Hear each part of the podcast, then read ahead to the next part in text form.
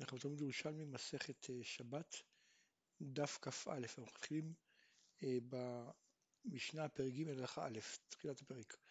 אומרת המשנה, כי רש"י סיכוע בקש וגבבה, נותנים עליה תבשיל. בגפת ובעצים לא ייתן עד שיגרוף או עד שייתן את האפר. או שיגרוף או שיקטום. בעצם אומרים חמין, אבל לא תבשיל. ובעצים אומרים חמין ותבשיל. בית שמאי אומרים נוטלין אבל לא מחזירין, ובית הלל אומרים אף מחזירים. בית אמר למדנו במשנה, כי רש"י סיכוע בקש וגברה, נותנים על התבשיל.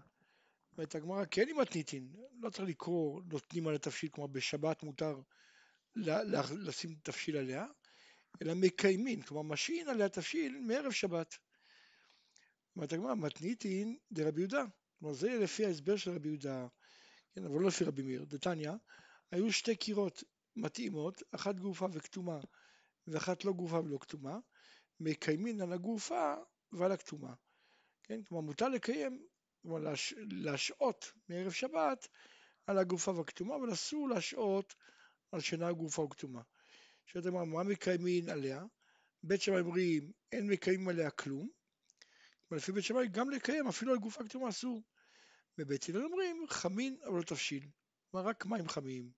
העביר את המחם, הכל מודים שלא יחזיר. זה דברי רבי מאיר. כלומר זה ההסבר של הברייתא שם של רבי מאיר, ולכן ובעצם אין התאמה למשנה שלנו לגמרי, כי הרי אצלנו במשנה אנחנו רואים שכולם מתירים משהו.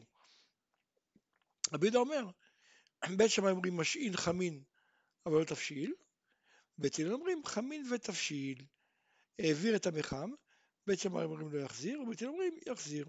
כן, אז זה ממש מקביל למשנה שלנו. אומרת הגמרא, למדנו במשנה, בית הלל אומרים אף מחזירין. רבי חלבו ורב ענן אמרו בשם רב, לא שנו אלא עליה. כלומר, כל מה שהתירו להחזיר, זה רק על הקירה. אבל על לתוכה, לתוך הקירה אסור. כן, למה? כי זה מיר זה כמבשל. עכשיו, שואלת הגמרא, להיכן לתוכה אסור, עד איפה אסור? הוא אמר, עד שלושה טפחים מהגחלים. רבי מן אמר עד מקום שהוא עושה חריץ. יש פה שני, יש שני שיטות, יש אומרים שהכוונה עד שהוא נוגע בגחלים ממש, ויש אומרים שהיה בקירה, היה חריץ, ששם היו משקים את הסיר שישב על ה... כן, כשרוצים שזה יתחמם טוב, הם משיבים אותו בתוך, ה, בתוך הקירה עצמה, בדפנות שלה היה חריץ, שם הם מושיבים את הסיר. עד לשם, כי אז שוב פעם זה מיר כמבשל. אמר רבי יוסף ברבי בון, מה שאמר אולה עד ג' טפחים מהגחלים, זה מפני שלא שליט, כן, ש, שהיא שליט במקום שאת שלטת. כלומר, כיוון שעד שלוש טפחים, כן, יותר משלוש טפחים, אז היד שולטת, כלומר, לא, זה לא, לא תיחווה היד, אז בעצם זה לא מגזר כמבשל, כי כשרוצים לבשל, אז מניחים את זה טיפה יותר צמוד לגחלים. ותגמר ותאה כעד אמר רבי זרע בשם רבי יהודה, מותר להפשיר במקום שהיד שולטת, ואסור להפשיר במקום שאין היד שולטת. כלומר, אפילו אם הוא, כל מה שהוא רוצה זה רק להפשיר, לא רוצה לבשל, אבל כן אסור לעשות את זה במקום שולט, שאין היד שולטת. כן, אז גם כאן, גם אם הוא לא רוצה, הוא רוצה רק לחמם את זה, אז כל מה שיהיה מותר זה במקום שהיד שולטת, כמו שאמרנו מעל שלוש שפכים, ויותר נמוך יעשו כי היד לא שולטת. אומרת הגמרא רבי יהושע בר גזורה, אבל משמש כמי רבי זרע, ואבימייל קומי תבשין רותחין, הוא הביא לו תבשין רותחין. אמר לי, איך התאבידה? כלומר, איך נשארו כאלה רותחים? אמר לי, גרוף תעופיה, כלומר, אני גרפתי את הגחלים במקום שבו שפטתי את הסיר בתוך הקירה, כן, והגחלים הם מסביב. ויד וגבה שמתי בפנים. אמר לי, לא תאביד כן, אלא גרוף תעופיה, תעשה מה שעשית, באמת תגרוף, אבל תיתן שם יהב תלת כיפין ורע מהלאון. תניח שם במקום איפה שגרפת, תניח שלושה אבנים, ועליהם תניח את הסיר, שזה גם לא ייראה כמבשל. רבי אבאו או בבוצרה, ממלא גצרו רומח, ומיתן תלת הכפין ומרמר לעול. כלומר, הוא בנוסף לזה, הוא גם הצריך שייתן אגרוף מלא אפר ויקטום את הגחלים. אמר דניאל ברדר רב קטינה, בשם רבי אסי, שזרי חריות, כלומר הענפים של הדקל, כן, אז המקלות, המרכז, המקל המרכזי, זה נקרא שזרי חריות, אז זה כמו גפת ועצים. כן, חריות עצמן זה כמו קש, אבל המקל עצמו הוא כמו גפת ועצים. הדד התמר בשקצצו כשהן נכין ויבשו. כן? אבל אם הוא קצץ אותם כשהם יבשים מתחילתם, כלומר היו יבשים מתחילתם, אז פה זה כבר כקש וגבביים, כי זה מתייבש על העץ, אז זה נהיה ממש כמו קש. גללי בהמה, איתה ליטני זה כגפת וכעצים, ואיתה ליטני כגש וגבבה. אז מאן דאמר כגפת וכעצים מדובר בבהמה דקה, ומאן דאמר כגש וגבבה מדובר בבהמה גסה, גללים של בהמה גסה. בית הגמרא גורף עד שיגרוף כל צורכו, כלומר הוא צריך לגרוף את המקום שלה, שבו הוא מניח את הסיר, לגרוף כל צורכו.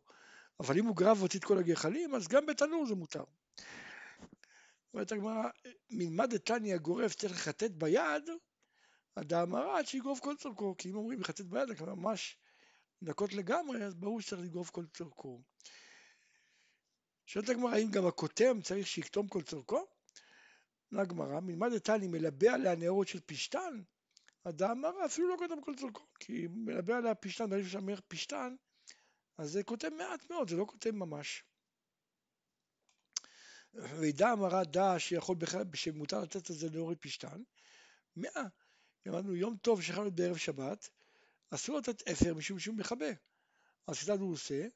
אמר רבי שיין, מלבה על הנורת של פשתן, כלומר מניח פשתן, אז זה בוער, ואחרי זה, זה, זה עצמו יוצר את האפר וכותב את זה.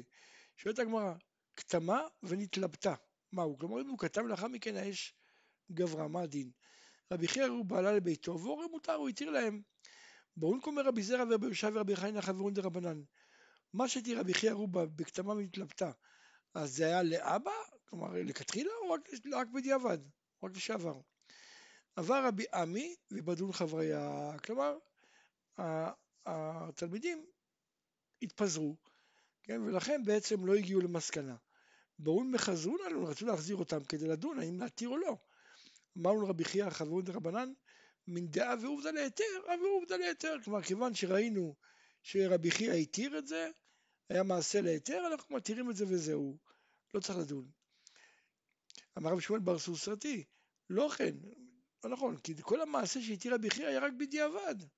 אז די צריכים לדון מה הדין לאבא, מה הדין לכתחילה. אמר רבי מנה, אנא כשתק אמר רבי אבא ברי דרב פפי. אם תמה שכל מה שהתיר רבי חייא לשהות על גבי קירה שכתמה מתלבטה זה רק בדיעבד, רק לשעבר, אז למה בכלל צריך את ההיתר שלו? הרי אפילו אם בישל בשבת בשוגג יאכל. נתני, המעשר והמשל בשבת בשוגג יאכל, מזיד לא יאכל, דברי רבי מאיר.